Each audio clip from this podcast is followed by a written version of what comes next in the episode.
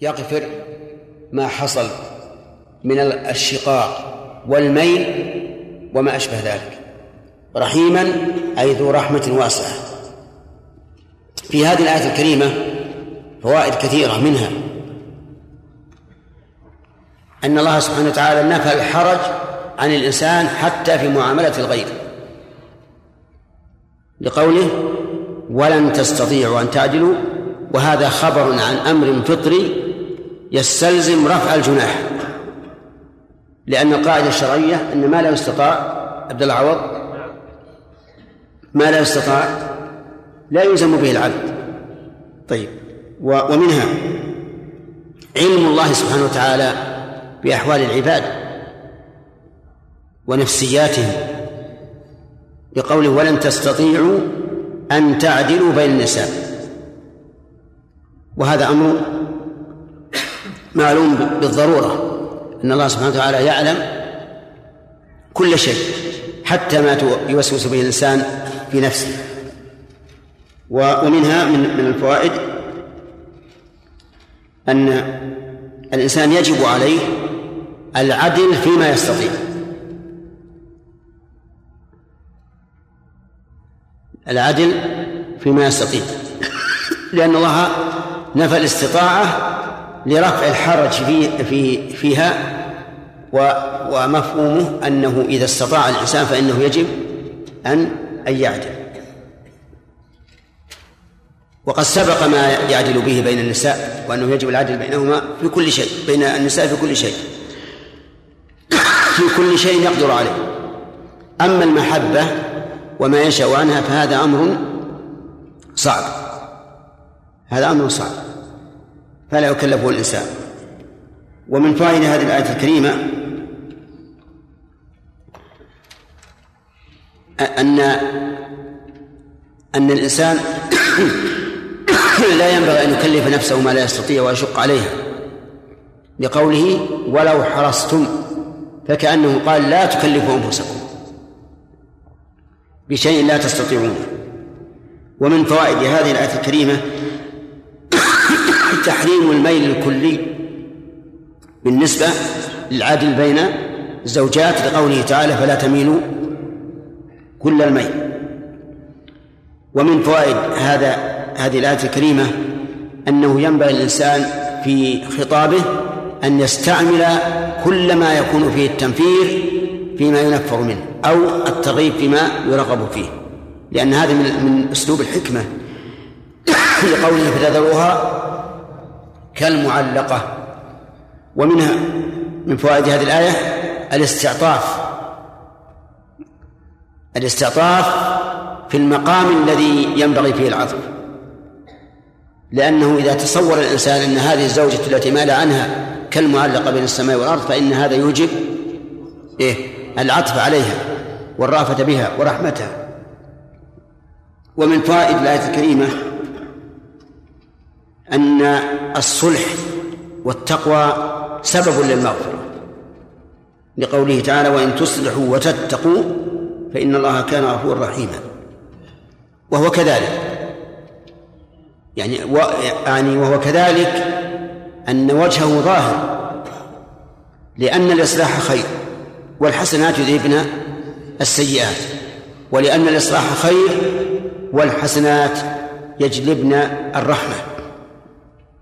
ومن فوائد هذه الآية الكريمة إثبات اسمين من أسماء الله عز وجل وهما الغفور الرحيم فبالمغفرة يزول المكروه وبالرحمة يحصل المطلوب ولهذا يقرن الله تعالى بين بين الغفور والرحيم في مواضع كثيرة لأن بالمغفرة إيش؟ يزول المكروه وبالرحمة يحصل المطلوب. كيف ذلك؟ المغفرة مغفرة الذنوب وإزالة آثارها. الرحمة حصول المطلوب والمحبوب ولهذا سمى الله الجنة سماها رحمة. فقال فقال لها أنت رحمتي أرحم بك من أشاء. وهل المغفرة صفة حقيقية أو عبارة عن رفع المؤاخذة والعقوبة. الجواب صفة حقيقية تقتضي رفع المؤاخذة والعقوبة. وكذلك يقال في الرحمة هل هي صفة حقيقية يتصف الله بها أو هي عبارة عن الإحسان والإنعام وجلب المصالح؟ الجواب الأول هذا ما عليه السلف الصالح وأئمة هذه الأمة من بعدهم. وأما من قال إن الله لا يوصف بالمغفرة ولا بالرحمة فقد ضل ضلالا مبينا. وحجته عقلية وهمية حقيقة. ما هي عقلية؟ لأنه يقول المغفرة تقتضي فعلا والفعل من صفة أو من سمات المحدثين. لأنه بزعمه لا يقوم الحدث إلا بحادث.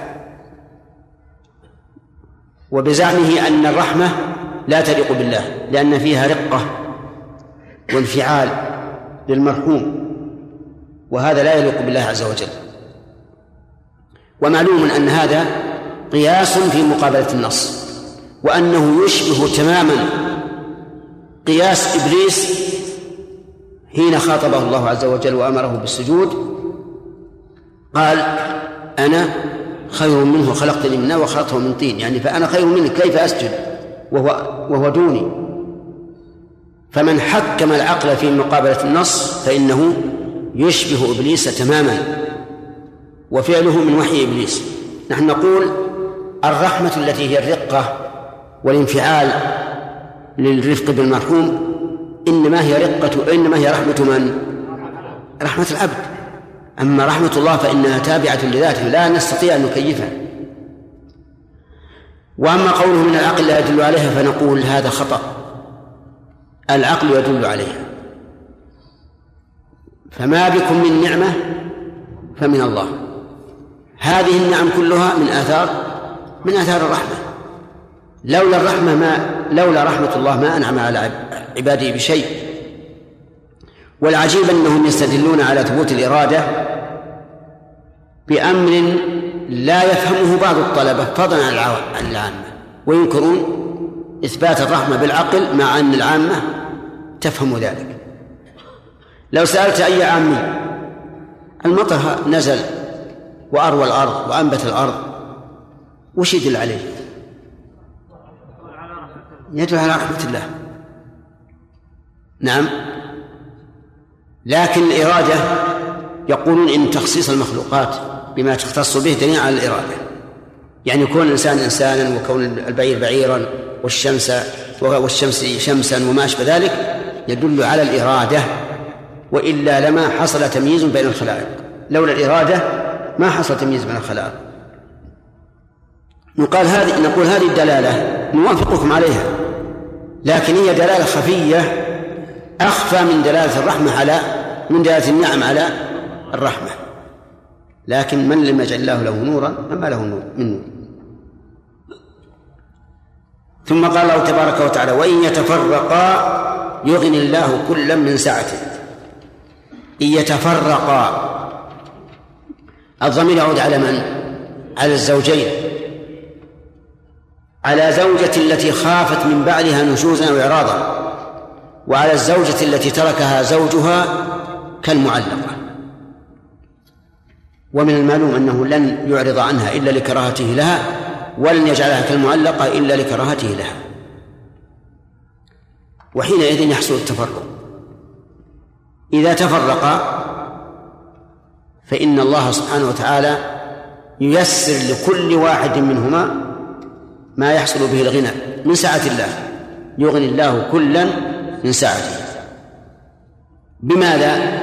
قال بعضهم يغني الزوج بزوجة صالحة يسعد بها ويغني الزوج نعم يغني الزوج بزوجة صالحة يسعد بها ويغني الزوجة بزوج صالح تسعد به يعني أن الزوج يجد امرأة يجد امرأة والزوجة تجد زوجا وقال بعضهم يغني الله كل من سعته سواء بإبدال الزوج الأول أو بالسلوان والنسيان وأن يكون الأمر كأن لم يكن. ولكن هذا القول ضعيف لأن السلوان وعدم آه، ذكر أحدهما الآخر ليس إغناء. الإغناء أن يوجد ما يستغني به الإنسان وهذا لا يكون إلا إيش؟ إلا بزوج بزوج للزوجة وزوجة للزوج. وهذا وعد من الله عز وجل وعد من القادر الذي يقدر على أن يبعث للمرأة زوجا تسعد به أو للرجل زوجة يسعد بها. وهو وهو وعد حق وصدق لأن الواعد به من هو؟ الله الذي لا يخلف الميعاد على كل شيء قدير. لكن أحيانا يتخلف هذا لشك الإنسان وعدم ثقته وإيمانه. فيحصل الموانع فيحصل هذا المانع ولا ولا يتحقق الموعود. وكان الله واسعا حكيما. كان الله واسعا حكيما واسعا أي ذو سعة عظيمة في جميع صفاته. واسع في علمه. ربنا وسعت كل شيء رحمة وعلم. واسع في قدرته. إن الله على كل شيء قدير. واسع في حكمته. و و ولهذا قرن الحكمة به. واسع في سمعه وبصره في كل صفاته عز وجل. وواسع في إحاطته. محيط بكل شيء. ولله المشرق والمغرب. فأينما تولوا فثم وجه الله إن الله واسع حكيم. المهم أنه جل وعلا واسع بمعنى الكلمة على أوسع ما يكون. حكيما أي ذو حكمة وإيش؟ وحكم. ذو حكمة وحكم. فهو, فهو الذي له الحكم الكوني والشرعي وهو الذي له الحكمة الصورية أو الغائية. أفهمتم هذا؟ لكن الإخوان الجد الجدد لا, لا يفهمون هذا. أولا الحكم لله عز وجل. إن الحكم إلا لله. إن الحكم إلا لله. حكم الله عز وجل كوني وشرعي. فما قضاه في خلقه فهو كوني. وما شرعه لخلقه فهو شرعي هذا الضابط الحكم الكوني ما قضاه الله في خلقه والحكم الشرعي ما شرعه الله لخلقه عز وجل. حرمت عليكم الميتة هذا حكم شرعي. كذا؟ طيب. خلق السماوات والأرض حكم كوني. أما المثال لنفس لنفس الحكم بهذه المادة فقول الله تبارك وتعالى في سورة الممتحنة قال ذلكم حكم الله يحكم بينكم وهذا حكم شرعي. وقال أفحكم الجاهلية يبغون؟ ومن أحسن من الله حكما وهذا حكم آه. يا هداية الله هذا شرع. أفحكم الجاهلية يبغون؟ ومن أحسن من الله حكما لقوم يوقنون. طيب. وقول أخي يوسف لن أبرح الأرض حتى يأذن لي أبي أو يحكم الله لي. هذا كون. طيب. أليس الله بأحكم الحاكمين؟ كوني شرعي. نعم. بارك الله فيك. طيب. هذا الحكمة هذه. الحكمة قد تكون الشيء حكمة في صورته التي خلقه الله عليها. وقد تكون حكمة في في الغاية منه. في الغاية منه. وما خلقت الجن والإنس إلا ليعبدون. هذه حكمة لبيان الغاية الحميدة. لبيان الغاية الحميدة في خلق الإنس والجن. لقد خلقنا الإنسان في أحسن تقويم. هذه حكمة صورية بمعنى مو صورية يعني ليس لها معنى. صورية يعني كونه على هذه الصورة المعينة هذه من حكمة الله عز وجل. ارتفاع الشمس بهذا المقدار وارتفاع القمر بهذا المقدار تعاقب الليل والنهار على هذا الوجه كله من الحكم الصورية يعني أنه كان على هذه الصورة هو الحكمة ولو اختلف لفاتت الحكمة. فعلى هذا نقول الصور هنا أربع. حكمة في الشرع حكمة في القدر حكمة في الصورة حكمة في الغاية. إذا آمنت بهذا يا أخي إذا آمنت بهذا علمت أن الله عز وجل لا يمكن أن يحدث شيئا ولو أعظم الشر وأعظم الضرر إلا إلا لحكمة. هذه الحروب اللي وقعت والتي وقعت الآن تقع الآن كلها لحكمة. وإذا آمنا بذلك صبرنا وانتظرنا الفرج ويحصل الفرج بإذن الله. لا نقول والله ليش نقدر هذا أو نتسخر أو نقول ما لا ليس في حكمة. لا يجب أن نؤمن بأن ذلك لحكمة لأنه قدر الله وقدر الله لا, لا شك أنه لحكمة. كذلك في الشرع إذا أمرنا الله بشيء أو نهنا عن شيء حتى وإن كنا لا نعلم حكمته. يجب أن نعلم أن له إيش؟ أن له حكمة لأن هذا من مقتضى اسم الحكيم. خلق الله عز وجل الشياطين وسلطها على من شاء من عباده. وخلق الله الشر والأمراض والفقر وغيره. هل هذا حكمة؟ حكمة لا شك. لأن نعلم أن الله لا يقدر شيئا إلا لحكمة فنرضى ونسلم. والحقيقة أن عدم الرضا بالقدر يعني الطعن في حكمة الله.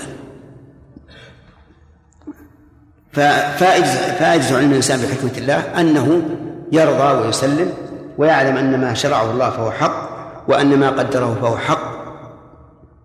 وحينئذ يستسلم تماما للقضاء والقدر. آه، من فوائد هذه الآية الكريمة آه، الإشارة إلى التفريق بين الزوجين في حال عدم التوافق. وجه ذلك أن الله وعد على التفرق خيرا. فقال وإن يتفرقا يغني الله كل من سعته وهذا هو الحق. أننا إذا لم إذا لم نجد سبيلا إلى الإصلاح بين الزوجين والوئام بينهما فإن السبيل الوحيد هو التفريق ليسعد كل منهما في في حياته. طيب ولنا دليل على هذا من السنة. جاءت امرأة ثابت بن قيس بن شماس رضي الله عنه وثابت بن قيس بن شماس رضي الله عنه من من المبشرين بالجنة. من المبشرين بالجنة. يعني مقامه رفيع. جاءت إلى رسول الله صلى الله عليه وسلم فقالت يا رسول الله ثابت بن قيس لا أعيب أو قالت لا أعتب عليه في خلق ولا دين.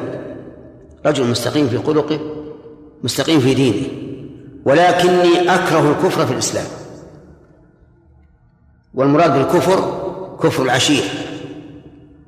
يعني بأن لا تقوم بواجبه لكراهتها له. تكرهه كرها عظيما. فقال لها أتردين عليه حديقته؟ وش الحديقة هذه؟ مهر أمهرها حديقة بستان؟ نعم لكن الله أعلم أن البساتين رخيصة في ذلك الوقت. حتى لا تحتج النساء علينا فتقول البستان يسوى ملايين. آه قال أتردين عليه حديقته؟ قالت نعم يا رسول الله. فقال الرسول صلى الله عليه وسلم لثابت اقبل الحديقة وطلقها تطليقة فقبلها وطلقها. وقد ذهب إلى هذا بعض العلماء وقال إنه إذا قالت المرأة أنا لا أستطيع البقاء مع الزوج إطلاقا وإن أبقيتموني معه أحرقت أحرقت نفسي. قال إن القاضي يلزم الزوج بالطلاق إذا ردت عليه مهرة. وهذا القول ليس ببعيد من صواب. ليس ببعيد من صواب. والله تعالى أشار في هذه الآية إلى أن التفرق إيش؟ أولى وأحسن لأن الله وعد به خيرا ومن فوائد هذا هذه الآية الكريمة رحمة الله عز وجل بعباده أن المرأة والرجل إذا انكسرا بالفراق بينهما جبرهم الله عز وجل. بماذا؟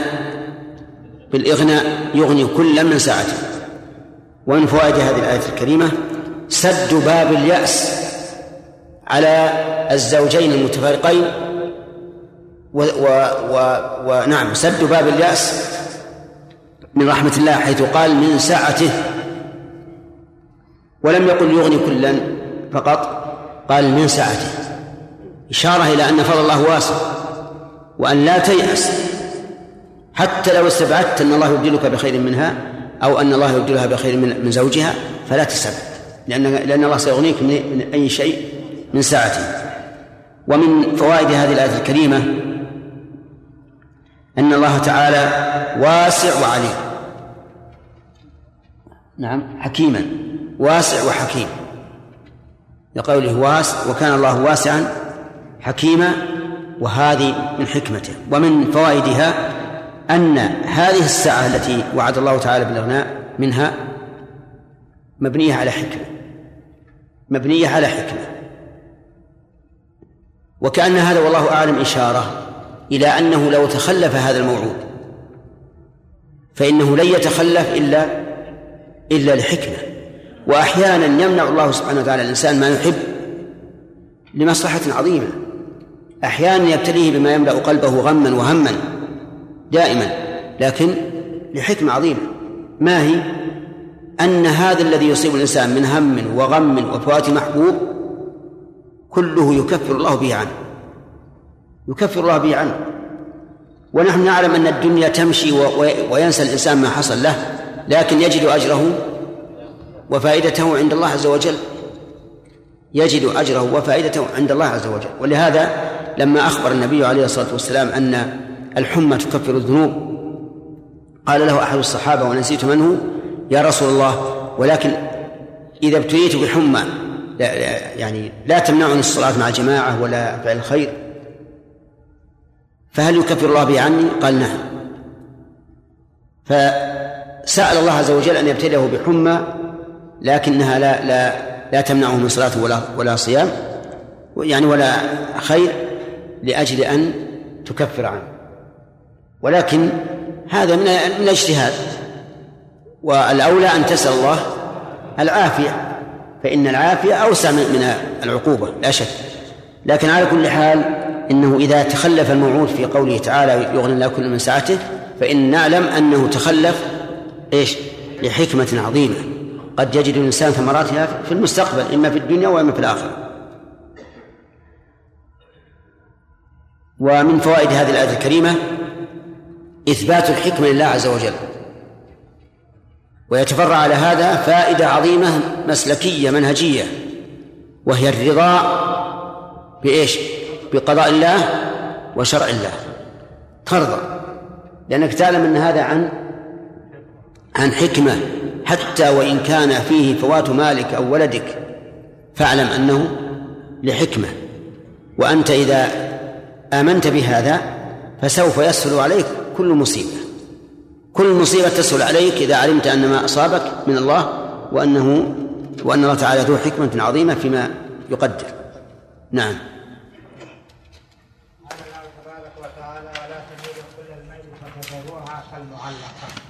فتذروها منصوب أو مجذوب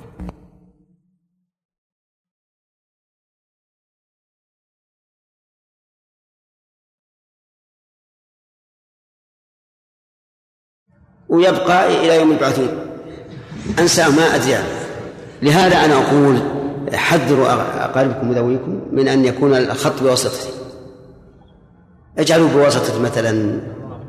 العمارة. نعم العمارة. وعندكم دوار المجلس هذا ما شاء الله. آه، عنوان واضح كل شيء. نعم. دوار المجلس المكتبة مكتبة العنيزة الوطنية. الجامع دوار المجلس عمارة الجامع. إيش؟ دوار المجلس عمارة الجامع. أي أو دوار المجلس عمارة الجامع حتى ها؟ أقرأ لي جامع الشيخ جامع الشيخ جامع الشيخ محمد طيب ويش؟ يصل يد محمد محمود إي هذا أنا هذا هذا البلد هذا البلد. أنا ما إي أبد أبد قل أبدا قل لهم ترى فلان يقول ان جاء شيء فالمحرق يقول لنا التافه؟ نعم.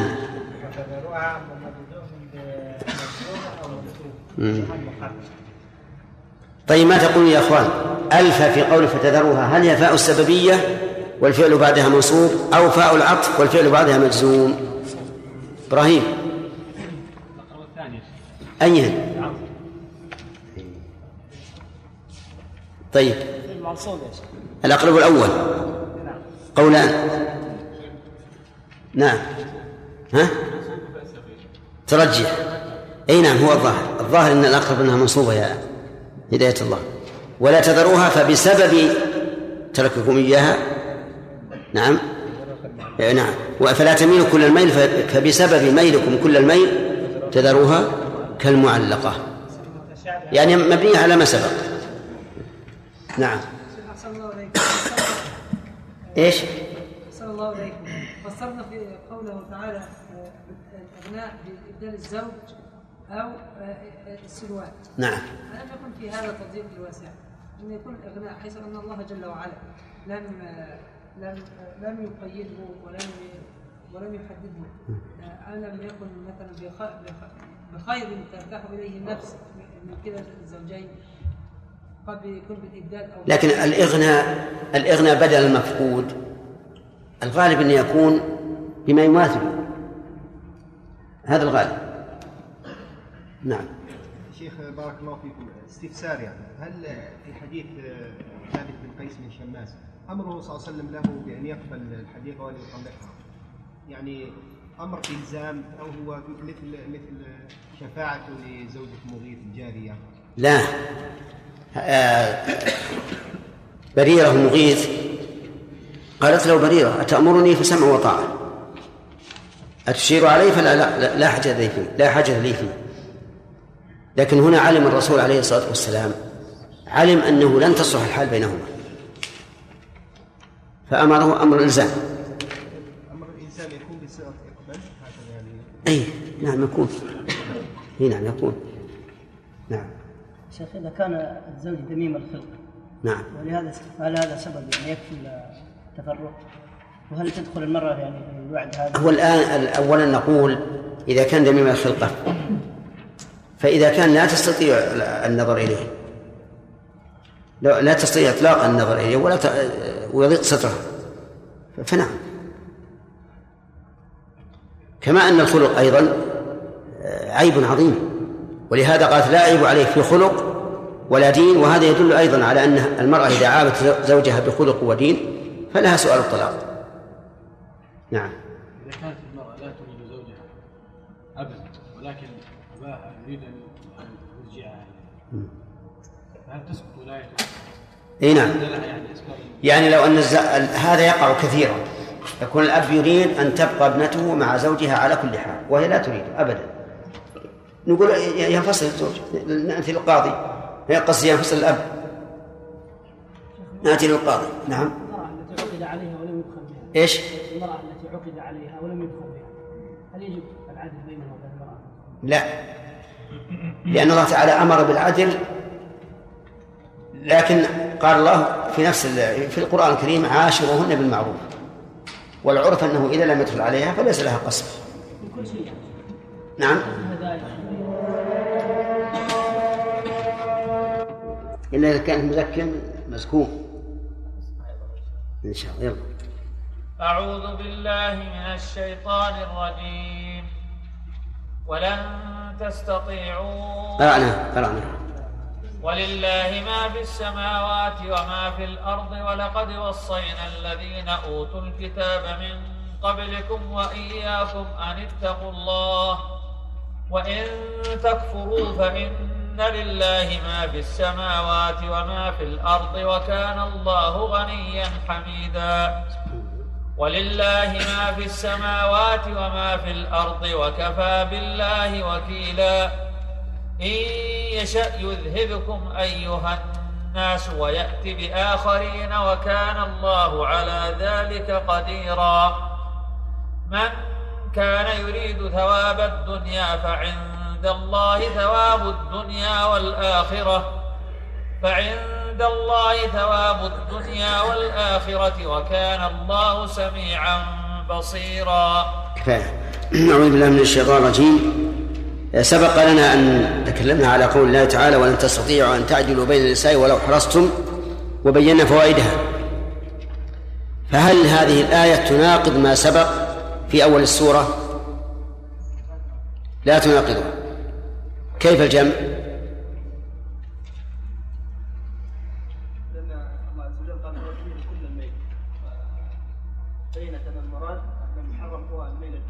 نعم. أما إذا مال بعض الشيء فإنه لا حرج عليه. لا حرج عليه في الجمع بين المرتين. طيب. توافقون على ذلك؟ آه. قوله وإن تصلحوا وتتقوا وفي الآية التي قبلها وإن تحسنوا وتتقوا.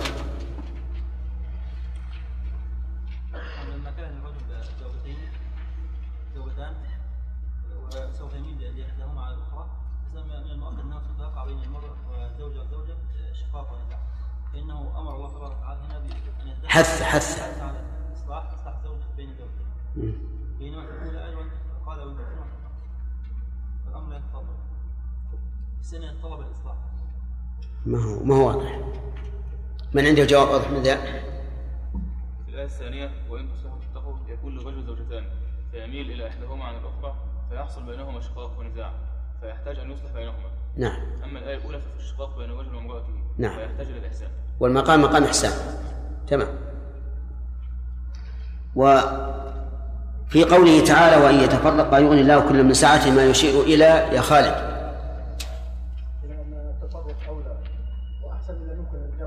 نعم.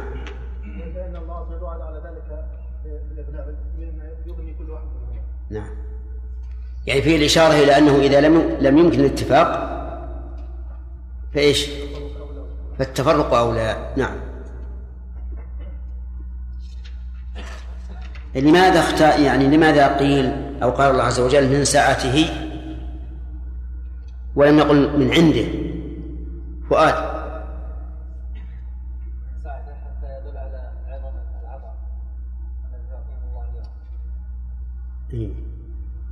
كيف؟ لأن لأنهما مع الشقاق ستكون عيشتهما نكدة غير.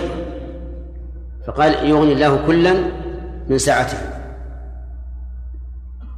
ثم نبدأ درس الليلة الجديد. ولله ما في السماوات وما في الأرض. ولقد وصينا الذين أوتوا الكتاب من قبلكم وإياكم إلى آخره. ولله ما في السماوات وما في الأرض. هذه تقدم لنا مرارا أمثالها. وفيها أن تقديم الخبر لله ما في السماوات يفيد الحصر وأنه خاص بالله عز وجل. وملك السماوات والأرض يشمل ما فيهما من الأعيان والمنافع وغير ذلك. كله ملك لله. لا يشاركه فيه أحد ولهذا لا يمكن لأحد أن يتصرف في شيء من هذه من السماوات والأرض إلا بإذن الله عز وجل. الإذن الكوني أو الإذن الشرعي. يقول ولقد وصينا الذين أوتوا الكتاب من قبلكم وإياكم لما ذكر ما يتعلق بالربوبية وهو ملك الواسع العام ذكر ما يتعلق بالألوهية والعبادة وهي إيش؟ التقوى. فقال ولقد وصينا الذين أوتوا الكتاب. وصينا الوصية هي العهد بالشيء مع التأكيد. يعني ليس مجرد أن أقول يا فلان افعل كذا وكذا ليس هذا وصية.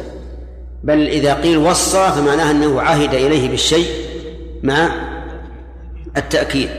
الذين أوتوا الكتاب من قبلكم. أوتوا الكتاب من قبلنا. من هم؟ قيل اليهود والنصارى. ولكن الصحيح أنها أعم. وأن كل من أنزل الله إليه كتابا فقد وصاه بالتقوى. ومن المعلوم أن كل رسول معه كتاب. كما قال تعالى لقد أرسلنا رسلنا بالبينات وأنزلنا معهم الكتاب والميزان. إذن فأوتوا الكتاب هنا لا تختص باليهود والنصارى بل كل من آتاه الله الكتاب. وصاهم الله تعالى بماذا؟ بالتقوى. أن اتقوا الله. أن هنا يسميها النحويون تفسيرية وعلامتها أن تأتي بعدما يتضمن الق... معنى القول دون حروفه. إذا أتت أن بعد فعل تضمن معنى القول دون حروفه فأعربها على أنها تفسيرية. وإن شئت فقل ما حل محلها أي فهي تفسيرية. فهنا ولقد وصينا الذين أوتوا الكتاب من قبلكم وإياكم أي اتقوا الله. فتكون اتقوا الله كأنها تفسير لما وصى به الله سبحانه وتعالى من قبلنا وهذه الأمة. ولقد وصينا الذين أوتوا الكتاب من قبلكم وإياكم أن اتقوا الله. هنا لو قال قائل آه، قال وإياكم. أليس من الممكن أن يقال ولقد وصيناكم والذين أوتوا الكتاب من قبلكم حتى لا ينفصل الضمير قلنا بلى. لكن لما كان هؤلاء سابقين علينا كان مقتضى الترتيب الزمني أن يقدموا. كما أن من سبق غيره في المرتبة فإنه يقدم عليه ولو أمكن اتصال الضمير. مثل قوله تعالى يخرجون الرسول وإياكم. يخرجون الرسول وإياكم. كان لقائل أن يقول لماذا لم يكن الكلام يخرجونكم والرسول لأنه لا فصل مع إمكان الوصل كما قال ابن مالك في الألفية وفي اختيار لا يجيء المنفصل إذا تأتى أن يجيء المتصل. فنقول نعم هو في الإمكان أن يكون هكذا لكن يفوت الغاية. فهنا الذين أوتوا الكتاب ليسوا أفضل منا ليسوا أفضل منا ولكنهم أسبق منا زمنا. وفي يخرجون الرسول وإياكم تقديم الرتبة. فذكر الرسول عليه الصلاة والسلام لئلا يكون تابعا لغيره فيقال يخرجونكم من الرسول طيب يقول الذين من قبلكم وإياكم أن اتقوا الله. هذا ما أوصى به الله عز وجل الأولين والآخرين. وتقوى الله مرت علينا أيضا كثيرا مرارا وتكرارا على أنها اتخاذ وقاية من عذاب الله بفعل أوامره واجتناب نواهيه.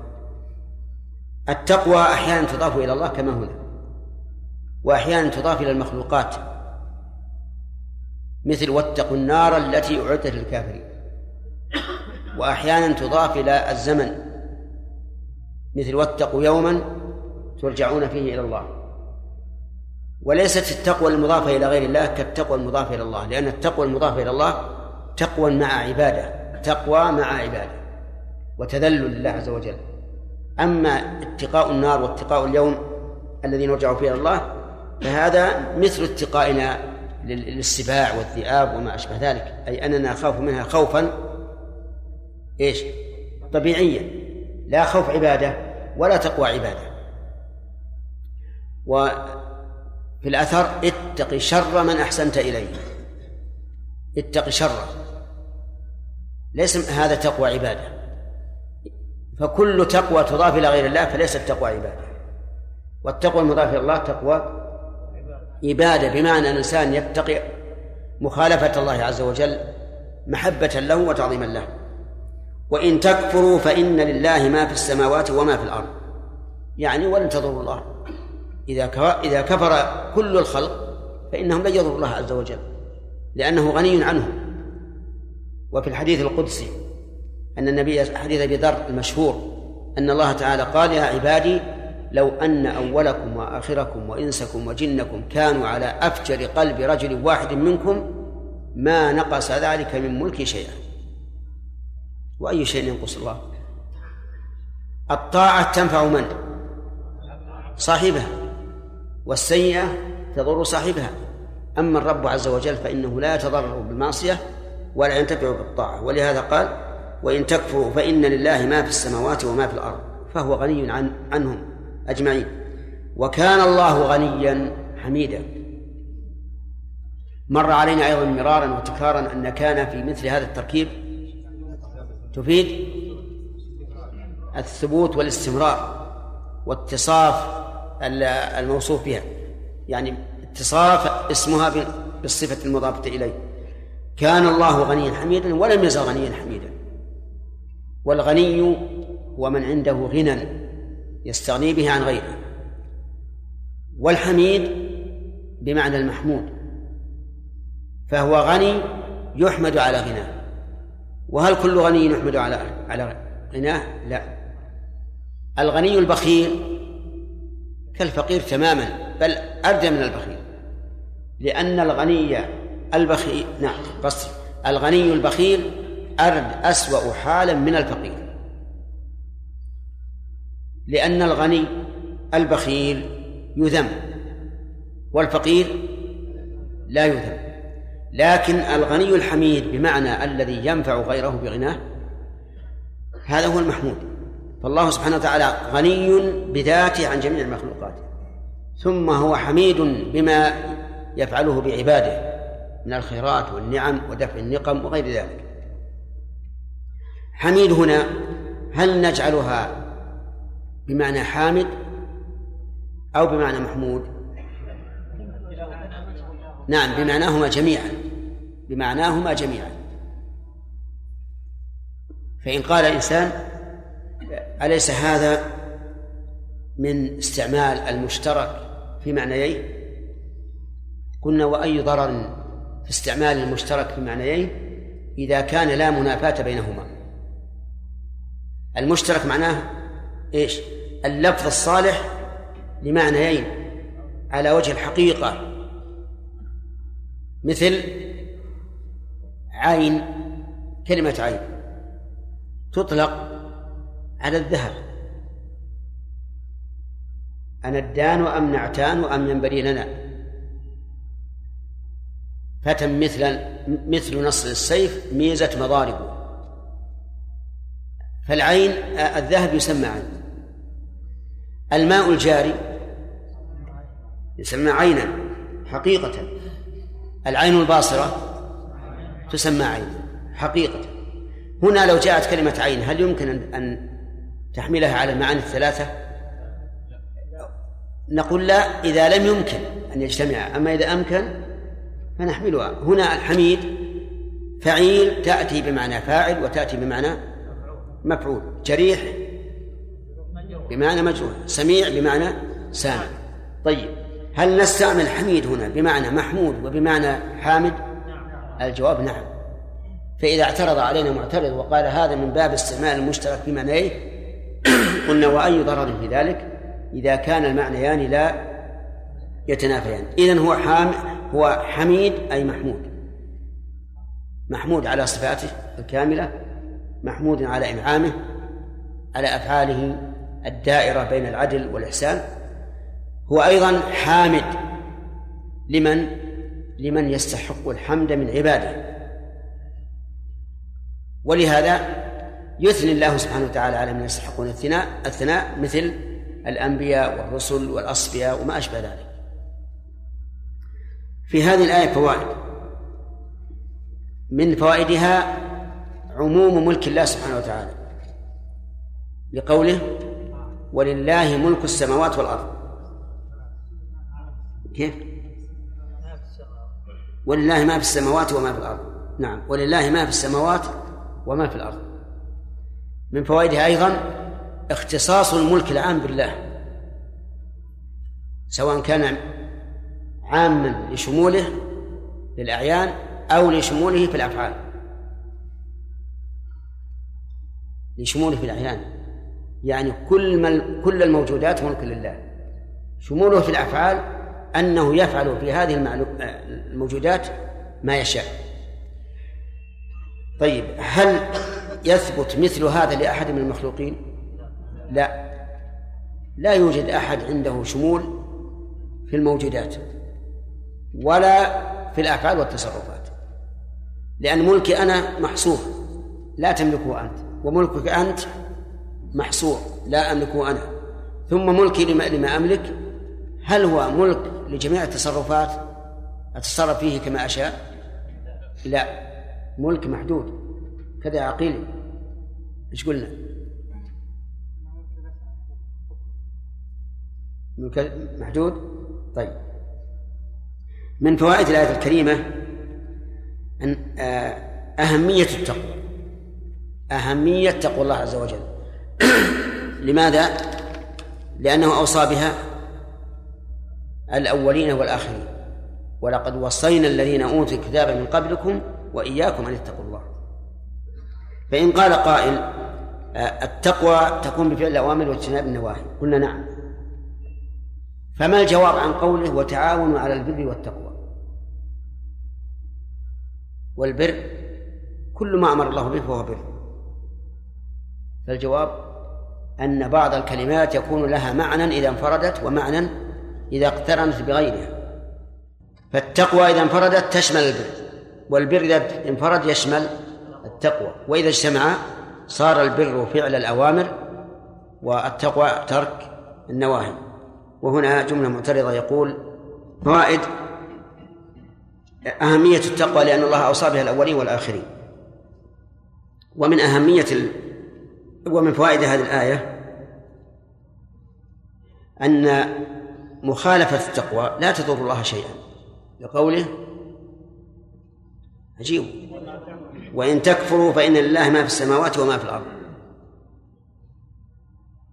ومن فوائد هذه الآية الكريمة إثبات اسمين من أسماء الله وهما الغني والحميد. فيستفاد منهما إثبات صفتين من صفات الله. وهو الغنى والحمد. ويستفاد من ضم أحدهما للآخر فائدة الانضمام. لأن الغنى الغنى وحده كمال والحمد وحده كمال واجتماعهما يتولد منه كمال أعلى. ثم قال عز وجل ولله ما في السماوات وما في الأرض. هذا تكرار لكنه تكرار مهم. الأول بيان غناه عز وجل عن عن خلقه وكان الله غنيا حميدا والثاني بيان مراقبته لخلقه. فالجملة فالآية الأخيرة تتضمن التحذير من المخالفة والأولى تتضمن الأمر بالموافقة. قال ولله ما في السماوات وما في الأرض وكفى بالله وكيلا. الوكيل هو المراقب المتصرف. ولهذا يكون وكيل الإنسان متصرفا بما وكل فيه مراقبا له. ففي هذه الآية من عموم ملك الله ما في الأولى وفي هذه الآية كمال مراقبة الله عز وجل لعباده. لقوله وكفى بالله وكيلا. فإن قال قائل الوكيل عادة أدنى رتبة من الموكل. فكيف نقول إن الله وكيل؟ قلنا الوكيل الذي هو عادة أدنى رتبة من الموكل هو الذي يتصرف للغير بأمر الغير ولا لا؟ وكيلك أدنى منك مرتبة لأنه يتصرف لك بإيش؟ بأمرك فهو دونك. أما الوكيل الذي بمعنى المراقب فإن مرتبته تكون أعلى من المراقب. لأنه سبحانه وتعالى يراقب جميع العباد ويحصي عليهم أعمالهم. ففي الآية أيضا كمال مراقبة الله عز وجل وأنها فيها الكفاية عن كل مراقبة. ثم قال عز وجل إن يشأ يذهبكم أيها الناس ويأتي بآخرين وكان الله على ذلك قديرا. إن يشأ يذهب الجملة لا تخفى علينا جميعا أنها جملة شرطية. والفعل الشرط وجوابه كلاهما فعل مضارع. ولهذا جاء مجزومين. إن يشأ يذهبكم أيها الناس. يذهبكم بمعنى يعدمكم حتى لا تكونوا في الوجود. وقول أيها الناس هذه منادى.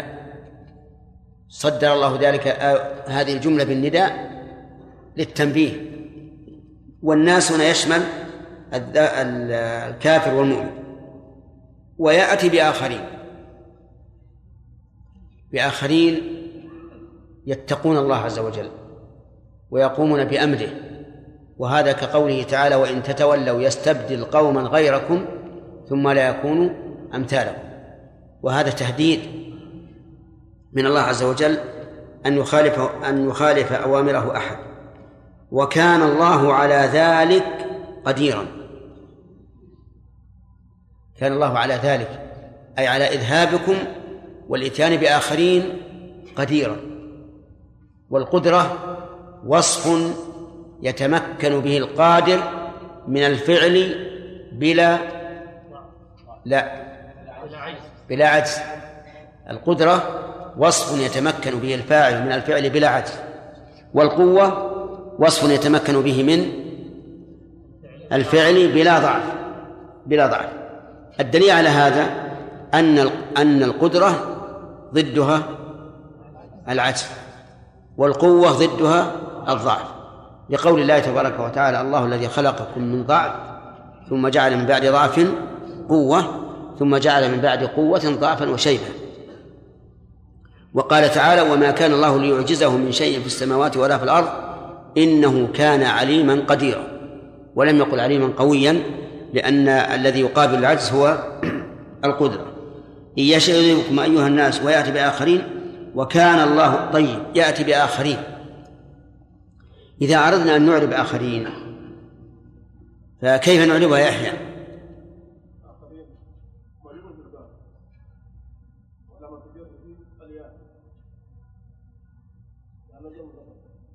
لأنها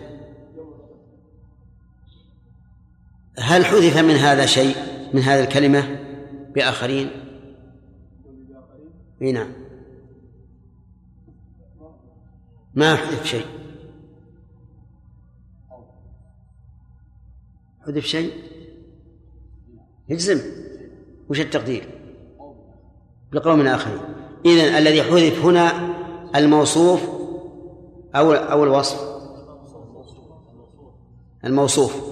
اسمع يا يحيى طيب. آه، ما نعلم عن القصد ما يعلم القصود إلا رب العباد. طيب. آه، هذا عليه قول ابن مالك رحمه الله وما من المنعوت والنعت عقل يجوز حذفه وفي النعت يقل. المنعوت يحذف كثيرا أن يعمل سابقات ومثل هذه وغيره والنعت قليل. نعم. يقول بآخرين وكان الله على ذلك قديرا وعلى غيره وعلى غيره أيضا.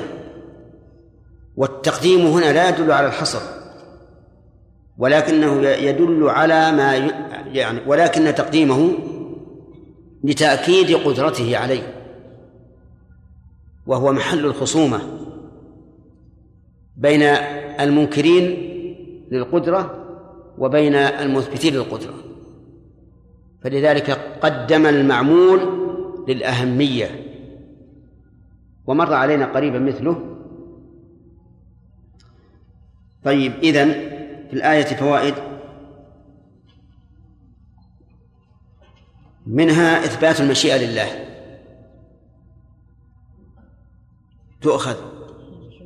إن يشاء يذهبكم وهل المشيئة الثابتة لله؟ هل هي مشيئة مطلقة؟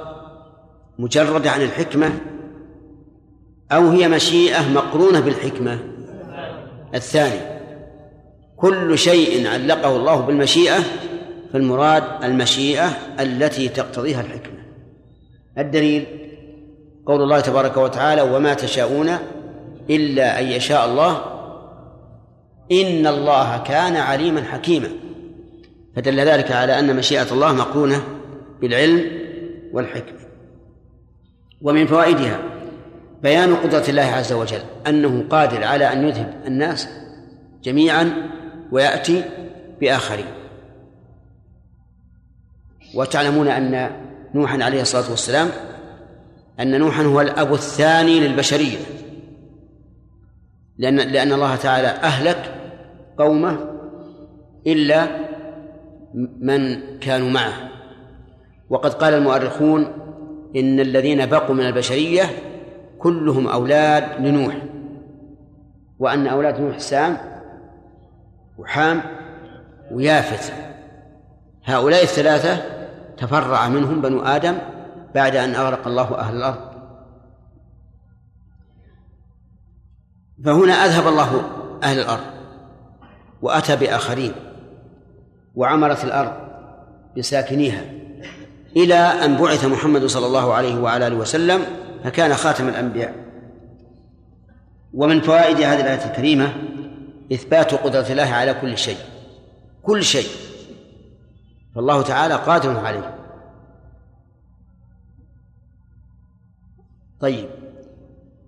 هل هو قادر عز وجل على إعدام الموجود؟ لأنه شيء. على إيجاد المعدوم لأنه شيء. كل شيء فالله قادر عليه. هل هو قادر على أن ينزل إلى السماء الدنيا حين يبقى ثلث الليل الآخر؟ نعم قادر. قادر على أن يأتي الفصل بين العباد؟ قادر. قادر على أن يتكلم؟ هو قادر. كل شيء فالله قادر عليه. قال بعض أهل العلم ولكن القدرة تتعلق بالشيء الممكن. أما الشيء المستحيل فلا تتعلق به القدرة. وأشكل على هذا وأشكل هذا على بعض الناس وقال إن الله على كل شيء قدير. وأجاب عنه شيخ الإسلام رحمه الله بأن المستحيل ليس بشيء. المستحيل ليس بشيء. لأنه لن يوجد ولن يعدم ليس بشيء. حتى يقال إنه خرج من عموم الآية. وإذا لم يكن وإذا كان ليس بشيء فإنه لا يدخل في العموم حتى نقول إن هذا خطأ. ولهذا قال السفاريني في عقيدته آه، بقدرة تعلقت بممكن. بقدرة تعلقت بممكن. طيب العلم علم الله يتعلق بالمستحيل أو لا؟ أي نعم يتعلق بالمستحيل قال الله تعالى لو كان فيهما آلهة إلا الله لفسدتا وهذا مستحيل أن يكون فيهما آلهة إلا الله. ومع ذلك علم الله تعالى بنتيجته لو كان. لو كان فيهما آلهة إلا الله لفسدتا. وهذا شيء مستحيل. فلو قال قائل هل يقدر الله على أن يخلق مثل نفسه؟ قلنا هذا مستحيل. مستحيل أن يخلق مثل نفسه. ليش؟ لأنه جل وعلا لا مثل له كما أخبر عن نفسه. وإذا كان لا مثل له فإنه يستحيل أن أن يكون كذلك. لأن الله تعالى خبره صادق لا يخلف ولا يتغير. طيب يعبر بعض الناس إن الله على ما يشاء قدير. إن الله على ما يشاء قدير. فهل هذا التعبير صحيح؟ نعم. غير صحيح. لأنه يقيد القدرة بما شاءه الله. طيب وما لم يشاء هو قادر عليه. ومفهوم هذا الكلام أنه ليس بقادر. ليس بقادر. فعلى هذا نقول هذه الكلمة أولا لم ترد لا في القرآن ولا في السنة. إن الله على ما يشاء قدير. و و وثانيا أنها توهم بمعنى فاسدا. ورتب بعض العلماء على هذا قال إنها توهم مذهب المعتزلة الذين أنكروا تعلق مشيئة الله بفعل العبد. وقالوا إن العبد يفعل باختياره ب... ولا تعلق لمشيئة الله به فيكون عز وجل غير قادر على أفعال العباد. بناء على ذلك لأنه لا يشاؤها وعلى كل حال فنتقيد بما جاء في القرآن والسنة. إن الله على كل شيء قدير. وإذا كان الإنسان يعني لا يستطيع أن يدرك معنى مستحيل أو غير مستحيل فليقل إن الله على كل شيء قدير ويسكت. ويسكت. لكننا بينا لكم لأن الذين أمامنا كلهم من نعم. من طلبة العلم إن شاء الله وسيفهمون. لكن العامي قد لا نقول له هذا الكلام. قد لا نقول أن القدرة متعلقة بالممكن لأن غير الممكن وهو المستحيل ليس بشيء. لأنه لا يفهم. لا يفهم أبدا. ويذكر أن الشيطان أبى الشياطين الذي يجعل له كرسيا على البحر ويبث جنوده وسراياه في إظهار الخلق. قال له قالت له ذريته لما تغتم إيه نعم لما تفرح بموت العالم أكثر مما تفرح بموت العباد. قال لأن العالم يرشد الناس ويهديهم ويدلهم ولا أتمكن من أولاده لكن العابد يستطيع أن يعني تنطلع عليه الأمور. قالوا كيف ذلك؟ قال أنا أختبرهم لكم. فأرسل من جنوده من يقول للعابد هل يستطيع الله أن يجعل السماوات والأرض في جوف بيضة؟ في جوف بيضة. البيضة مفهومة. والسماوات والأرض كذلك فكر العابد هذا. عابد يعبد الله ليلا ونهارا. فكر قال ما يستطيع. ما يستطيع. رجع المندوب. قال قال إنه يقول لا يستطيع. قال شوف الآن كفر الرجل. كفر. وهو ما يدري. فأرسله إلى إلى العالم. وقال له هل يستطيع الله عز وجل أن يجعل السماوات والأرض في بيضة؟ قال نعم يستطيع إنما أمره إذا أراد شيئا أن يقول له كن فيكون. لو قال للسماء تكون في جوف البيضة كانت. إما أن تكبر البيضة ولا تصغر السماوات والأرض. نعم. فأرسلوا رجع إلى شيطانه وقال له الكلام هذا. قال انظر هذا تخلص وذاك المسكين كفر. هذه تذكر قصة مرت علي في بعض الكتب قديما. لكني أقول إن الله على كل شيء قدير. العام قل له إن الله على كل شيء قدير. ولا تقل القدرة تعلقت بالممكن ولا بالمستحيل ولا بالجائز. أو الواجب أصلا. وهذا هو الأولى. طيب. ما جاءت الأسئلة؟ جاء. طيب.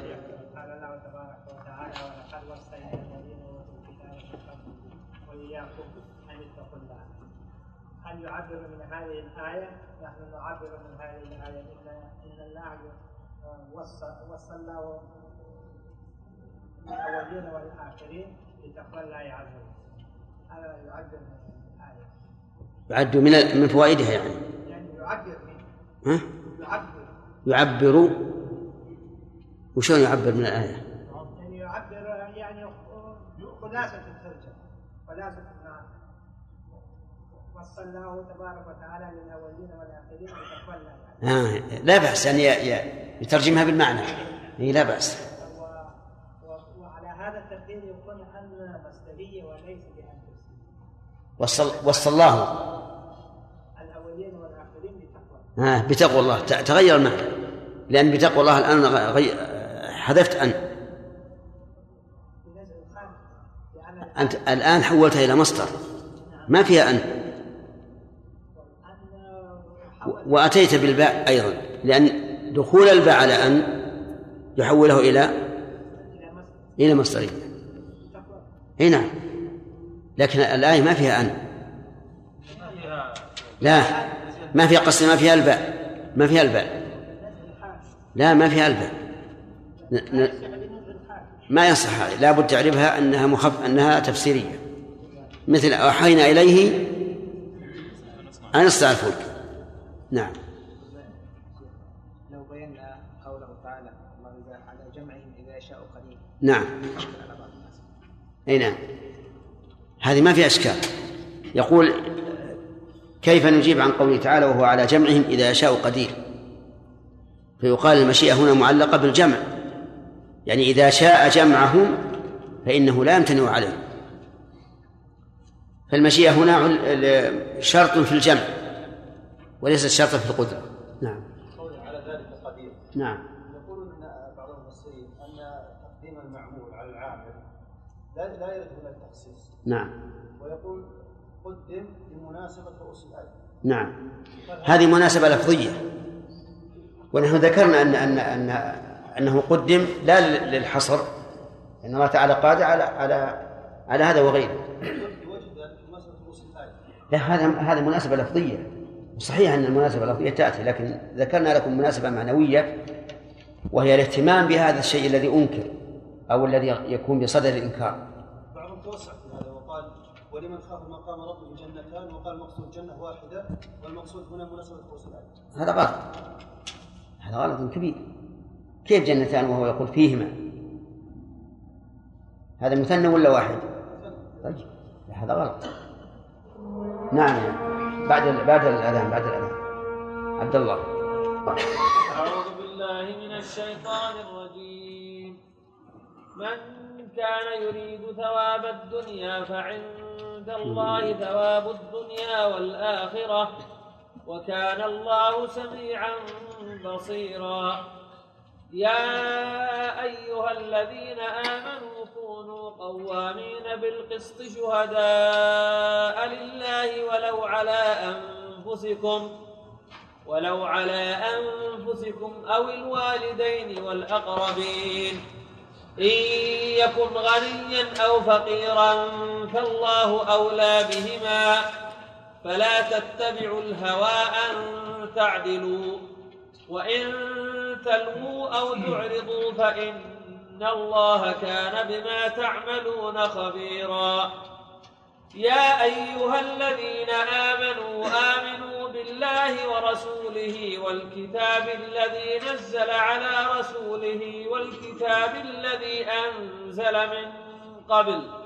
ومن يكفر بالله وملائكته وكتبه ورسله واليوم الآخر فقد ضل ضلالا بعيدا. إن الذين كفروا.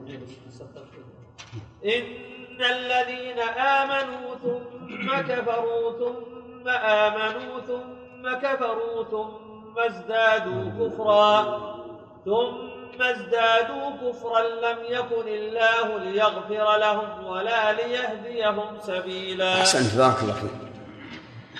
أعوذ بالله من الشيطان الرجيم. أظن ما سبق قد أخذنا فوائده. ها؟ ما شرحناها؟ قال الله تبارك وتعالى من كان يريد ثواب الدنيا فعند الله ثواب الدنيا والآخرة وكان الله سميعا بصيرا. وقبل أن نبدأ بتفسير هذه الآية الكريمة نذكر ما ييسر الله عز وجل من فوائد ما قبلها. قال الله تعالى إن يشأ يذهبكم أيها الناس.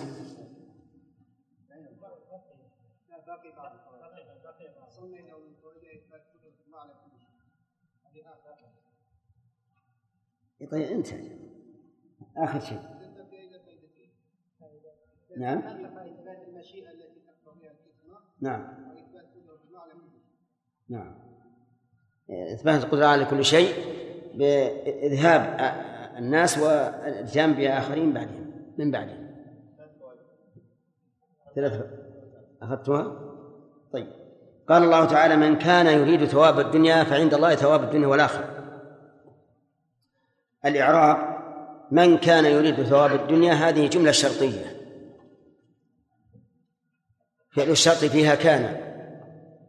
وجواب الشرط قوله فعند الله ثواب الدنيا والآخرة. واقترن الجواب بالفاء لأنه لا يصح أن يكون فعلا للشرط. وكل جواب لا يصح أن يكون فعلا للشرط فإنه يتعين أن يقترن بالفاء. كما قال ابن مالك رحمه الله واقرن بفاء حتما جوابا لو جعل شرطا لإن أو غيرها لم ينجعل. هذا هو الضابط. وقد حصر ما يشمله هذا الضابط بسبع جمل مذكورة في قوله اسمية طلبية وبجامد وبما وقد وبلن وبالتنفيس. وقول عند الله ثواب الدنيا والآخرة جملة خبرية قدم فيها الخبر لإفادة الحصر لأن من قواعد البلاغة أن تقديم ما حقه التأخير يقتضي الحصر. وكان الله سميعا بصيرا واضح إعرابه.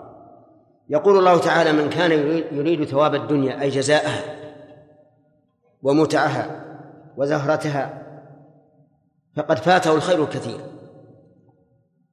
لأنه حرم ما عند الله من ثواب الدنيا والآخرة. ولهذا لم يقل من كان يريد ثواب الدنيا نؤتيه منها كما جاء ذلك في آية أخرى. نؤتيه منها وما له في الآخرة من نصيب. بل جاء الجواب على خلاف ما يتوقع السامع. يعني فكأنه لم ينل شيئا. وهذه الآية لها شواهد كثيرة. أن من أراد الدنيا فإنها فإن الدنيا والآخرة تفوت. ثم هل ينال ما أراد من الدنيا؟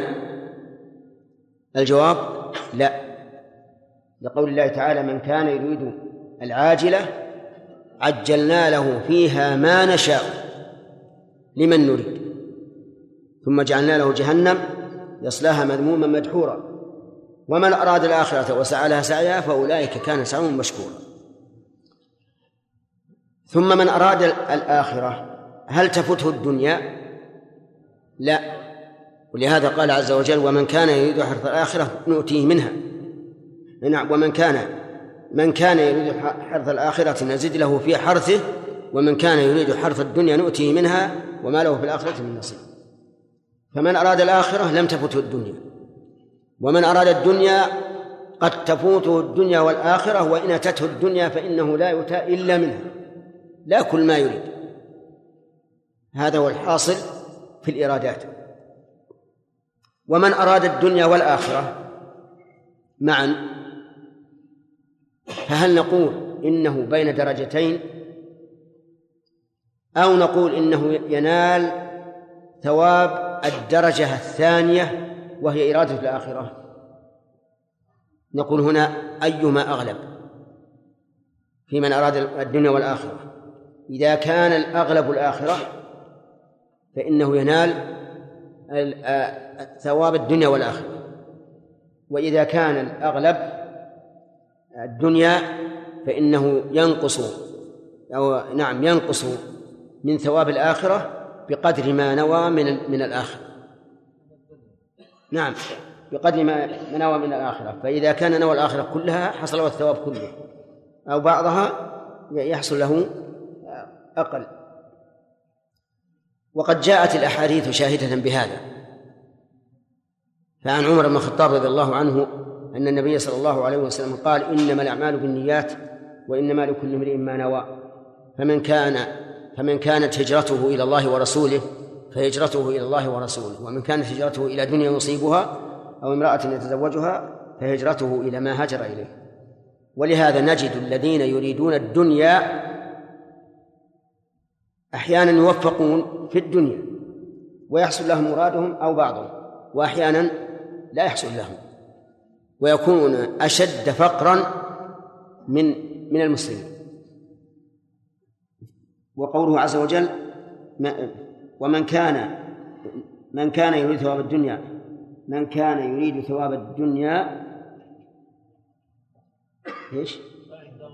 فعند الله ثواب الدنيا والآخرة يعني وقد فاته ما, ما, ما يريد لأنه في الواقع قد يؤتى ما يريد أو بعضه ثم لو أتي فإنه لن يدوم بل سيموت أو يفقد ما, ما, ما أوتي. وكان الله سميعا بصيرا يعني أنه ثبت ثبوتا أزليا وأبديا. هذا الاسم بل هذان الاسمان السميع والبصير وما تضمناه من صفة وهي السمع والبصر. وقد مر علينا أن السمع المضاف إلى الله تعالى ينقسم إلى قسمين وتفرع من هذه من هذين القسمين أقسام كثيرة وأظن أننا لا نطيل بإعادة ما سبق. في هذه الآية الكريمة عدة فوائد. أولا ترتيب الثواب والجزاء على النية لقوله من كان يريد. وعلى هذا فيجب على الإنسان أن يصحح نيته تماما وأن لا ينوي بعمل الآخرة إلا إلا الآخرة. أما ما, عمل الدنيا فهو للدنيا. ومن فوائد هذه الآية الكريمة الرد على الجبرية. وذلك بإثبات الإرادة للعبد. والجبرية يقولون إن العبد ليس له إرادة وأنه مجبر على عمله فليس له إرادة. وهذه الآية وغيرها يرد عليه. ومنها بيان انحطاط رتبة الدنيا عند الله عز وجل. ولهذا قال فعند الله ثواب الدنيا والآخرة. قال ابن القيم رحمه الله في النية لو ساوت الدنيا جناح بعوضة لم يسق منها الرب ذا الكفران لكنها والله أحقر عنده من ذا الجناح القاصر الطيران. يعني لو أن الدنيا تساوي جناح بعوضة ما سق الله أحد من الكفار ولا أنعم عليهم بشيء لكفرهم لكن يتمتعون بها لأنها ليست عند الله بشيء سواء تمتع بها أولياؤه أو أعداؤه. وهذا هو الواقع. فالدنيا إذا لم تكن وسيلة للآخرة فلا خير فيها. حتى لو نعم فيها الإنسان لو نعم فيها الإنسان فإن هذا النعيم جحيم. ولذلك تجد أشد الناس حرارة وأسا وحزنا وقلقا هم أصحاب الدنيا. ولا يغرنك ما عندهم من اللباس والقصور والنعيم والسيارات وغيرها قلوبهم والله تعالى والله أسوأ حالا من أفقر المسلمين.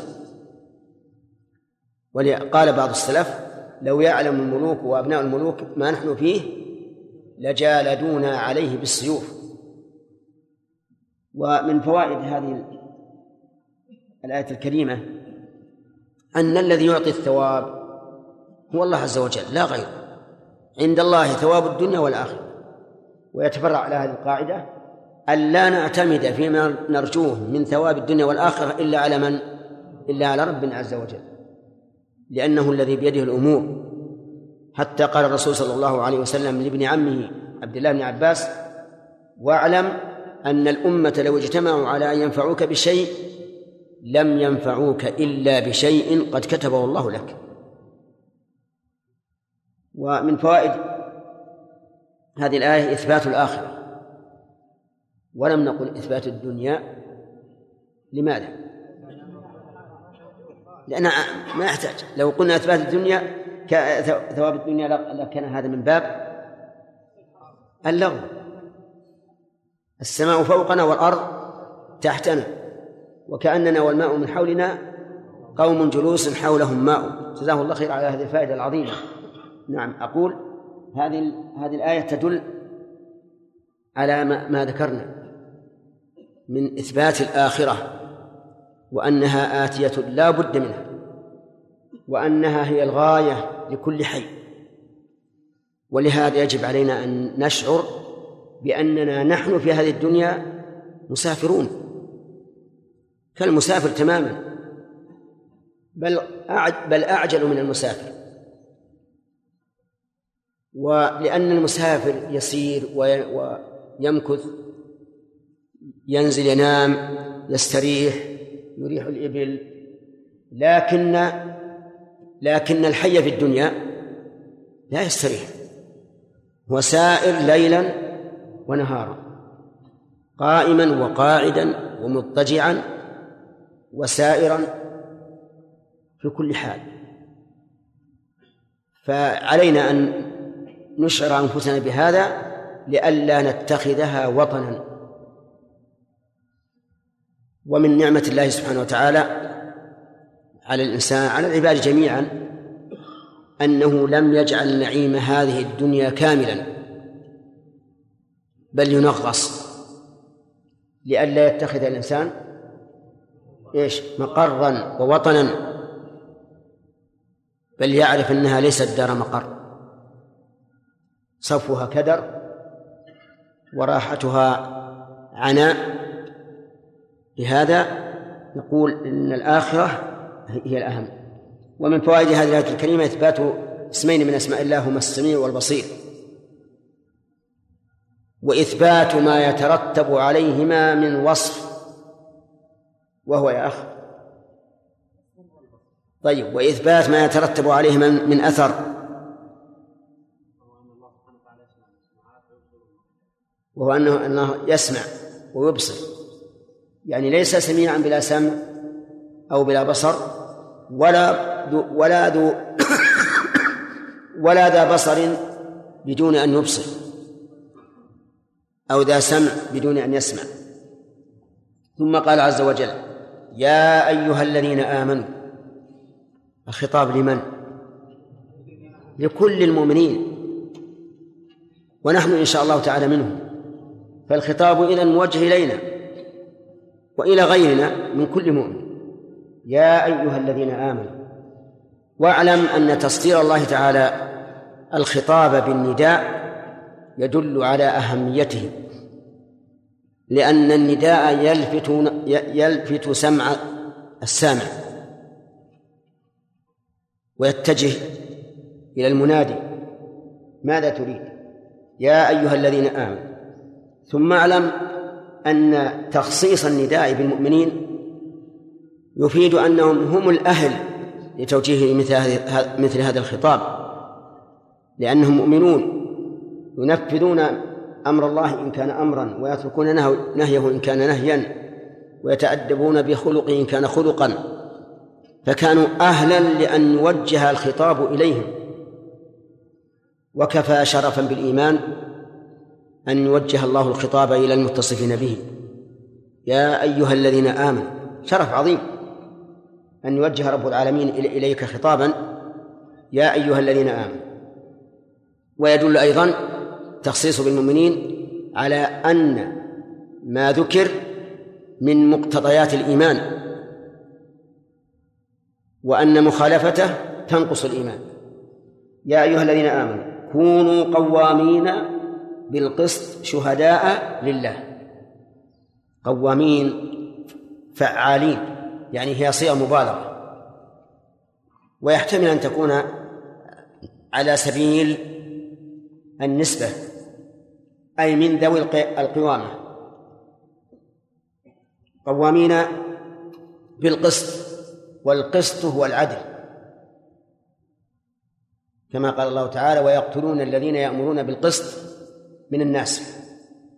فالقسط هو العدل والإقساط يا العقيل. الجور الجور ولا الظلم؟ الجور. ما دليلك؟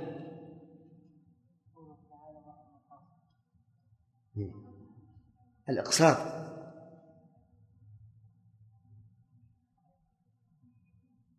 طيب القسط معناه العدل. أليس كذلك؟ وأما أقسط بمعنى شيء أقسط بمعنى عدل. وقسط بمعنى؟ بمعنى جار ولهذا جاءت الأولى جاء اسم الفاعل منها على وزن مفعل.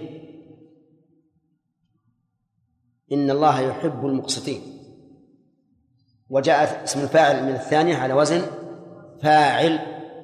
وأما القاسطون فكانوا لجهنم حطبا. بالقسط شهداء حال من من فاعل قوامين. ويحتمل أن تكون خبرا ثانيا لقوله كونوا لكن كونها حالا أولى شهداء لله أي تشهدون بالقسط لله عز وجل. لا يحملكم على هذا رياء ولا سمعة ولا دنيا ولا غير ذلك. شهداء لله فقط كما في قوله تعالى وأقيموا الشهادة لله. ولو على أنفسكم. الشهادة على النفس ممكن؟ إي نعم. اشهد على نفسك قبل أن تشهد نفسك عليه. والشهادة على النفس هي الإقرار. الإقرار. بأن يقول فعلت كذا وفعلت كذا وفعلت كذا. هذه الشهادة على النفس هي الإقرار. أو الوالدين يعني الأم والأب. حتى على الأم والأب يشهد. لكن تزعل الأم. نعم. ولو زعلت. لأن رضا الله مقدم على رضا الوالدين. طيب. أو الوالدين والأقربين.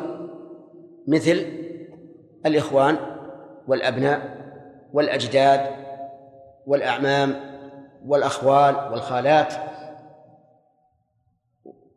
والقرابة الذين ليسوا بأقربين من باب من باب أولى. لكن الله نص على ذلك لأن النفس قد تميل في فيهم فلا تشهد بالعدل. ولو على أنفسكم أو الوالدين والأقربين ثم أشار سبحانه وتعالى إلى أمر مهم يحمل على الشهادة للمشهود له أو عليه. فقال إن يكن من المشهود عليه أو المشهود له إن يكن غنيا أو فقيرا فالله أولى بهما لأن من الناس من يشهد للغني لغناه أو للفقير لفقره أو يشهد على الغني لغناه. أو على الفقير لسبب من الأسباب. فالله أمر بأن نشهد لهؤلاء على هؤلاء ولو كان الإنسان غنيا أو فقيرا لأن أمرهما إلى خالقهما عز وجل. ولهذا قال فالله أولى بهما. لا يهمك لا تقل أشهد للفقير لأنه فقير ومحتاج وصاحب عائلة. نقول ولاية الله لهم. خير من شهادتك. ثم قال فالله ولا بهما فلا تتبعوا الهوى. لا تتبعوا الهوى أي هوى النفس. وهو ما وهو ميل الإنسان إلى ما يخالف الشرع. هذا هو الهوى المذموم. أن يميل الإنسان إلى ما يخالف الشرع. يقول لا تتبعوا الهوى. وقول أن تعدلوا ولا إن تعدلوا؟ نعم. لا اللي عندنا الآن. آه أن تعدلوا. لا, لا هل المعنى كراهة أن تعدلوا؟ أو ل أو لأجل أن تعدلوا؟ نعم. إيه. طيب. هو ليس أحد يعني يريد أن يكره العدل لكن لما أمر الله بالشهادة على النفس والوالدين والأقربين وبين أن الله تعالى هو الذي يتولى الجميع ونهى عن اتباع الهوى قال أن تعدلوا. يعني إن أردتم العدل فلا تتبعوا الهوى. وعلى هذا فيجوز أن نقول التقدير كراهة أن تعدلوا يعني أننا أمرناكم أو نهيناكم عن اتباع الهوى كراهة أن تعدلوا أو لأجل أن تعدلوا. نعم. لا ما الأول لا يحتمل على على هذا التقدير. أي من أجل أن تعدلوا. والعدل هو الاستقامة. العدل هو الاستقامة. والمراد به في باب الأحكام الحكم بما دل عليه الكتاب والسنة. وإن تلموا أو تعرضوا فإن الله كان بما تعملون خبيرا. إن تلووا أي تنحرفوا في الشهادة فتزيدوا فيها أو تنقصوا منها أو تعرضوا عن الشهادة بحيث لا تؤدونها فهذا الوعيد. فإن الله كان بما تعملون خبيرا. وماذا يكون إذا كان الله بما نعمل خبيرا؟ نعم. الجزاء الجزاء وهذا من أشد ما يكون من الوعيد. لأن من علم أن الله تعالى خبير بعمله فلا يتجاسر أبدا أن يخالف أمر الله عز وجل. نأخذ الفوائد ولا أسئلة؟ طيب. كان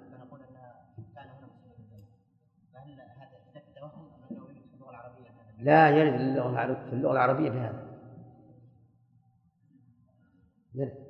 كان فلان مضيافا لإثبات كونه كريما. يضيف الناس. نعم. نعم عوض. ويحتمل أيضا في قوله ان تعدلوا يعني يكون منصوبا إلى الخافض والتقدير فلا تتبع الهوى. زين. محجوب. بعض المشايخ يفسر ما يذكر أي شيء يعني ما يذكر صحابي ولا ولا يذكر إيش؟